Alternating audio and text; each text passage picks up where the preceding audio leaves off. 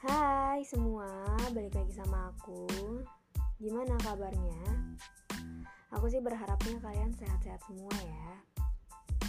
Oh iya, kita tetap harus ngikutin protokol kesehatan. Sering-sering cuci tangan, memakai masker, membawa hand sanitizer kalau keluar rumah. Juga yang paling penting jangan lupa jaga jarak karena kita nggak tahu orang di sekitar kita tuh lagi sakit atau enggak. Nah, ini kan banyak banget nih yang palsu dari makeup palsu, duit palsu, obat palsu. Pokoknya tuh kebanyakan tuh yang palsu. Segitunya ya. Tapi lo tau gak sih, ternyata ada loh senyum palsu. Nah lo. Tapi tenang aja, senyum palsu ini memiliki efek yang manjur bagi kesehatan mental manusia. Meskipun itu hanya senyum palsu. Keren ya, emang sih senyum palsu itu agak susah iya gak sih? Lo lagi kesel lo lagi bete terus tiba-tiba lo disuruh senyum gitu. Tapi yang gak kita tahu ternyata efeknya malah bagus banget bagi kesehatan mental kita.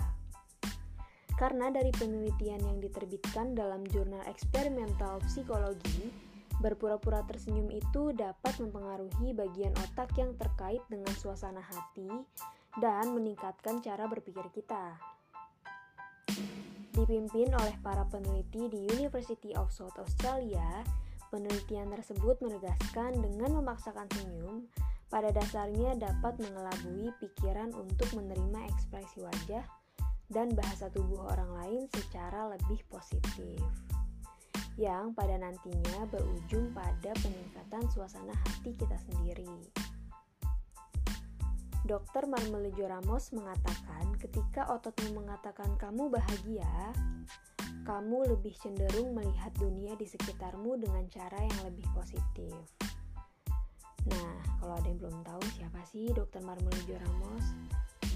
Dokter Marmele Dokter Marmelejo Ramos itu adalah ketua peneliti studi sekaligus ahli kognisi manusia dan buatan. Dalam penelitiannya, ia dan tim menemukan bahwa saat seseorang berlatih tersenyum secara paksa, hal itu merangsang amigdala yang mana merupakan pusat emosional otak. Di tempat ini, otak melepaskan neurotransmitter untuk mendorong keadaan emosional yang positif. Sebagaimana dikutip dari Eiffel Science, untuk kesehatan mental ini memiliki implikasi yang menarik – jika kita bisa menipu otak agar menganggap rangsangan sebagai bahagia, maka kita berpotensi menggunakan mekanisme ini untuk membantu meningkatkan kesehatan mental. Gimana? Ada yang tertarik? kalau gue sih jujur tertarik ya karena gue tuh nggak pernah kepikiran gitu loh kalau senyum palsu itu ternyata malah bagus banget buat kesehatan mental kita ah ini bisa nih dipraktekin buat kakak-kakak tingkat yang skripsinya ditolak. Nah senyum aja kak. Biarpun senyum palsu tuh nggak apa-apa. Itu bagus untuk kesehatan mental. Jadi nggak ada ruginya. Iya gak sih? Oh iya.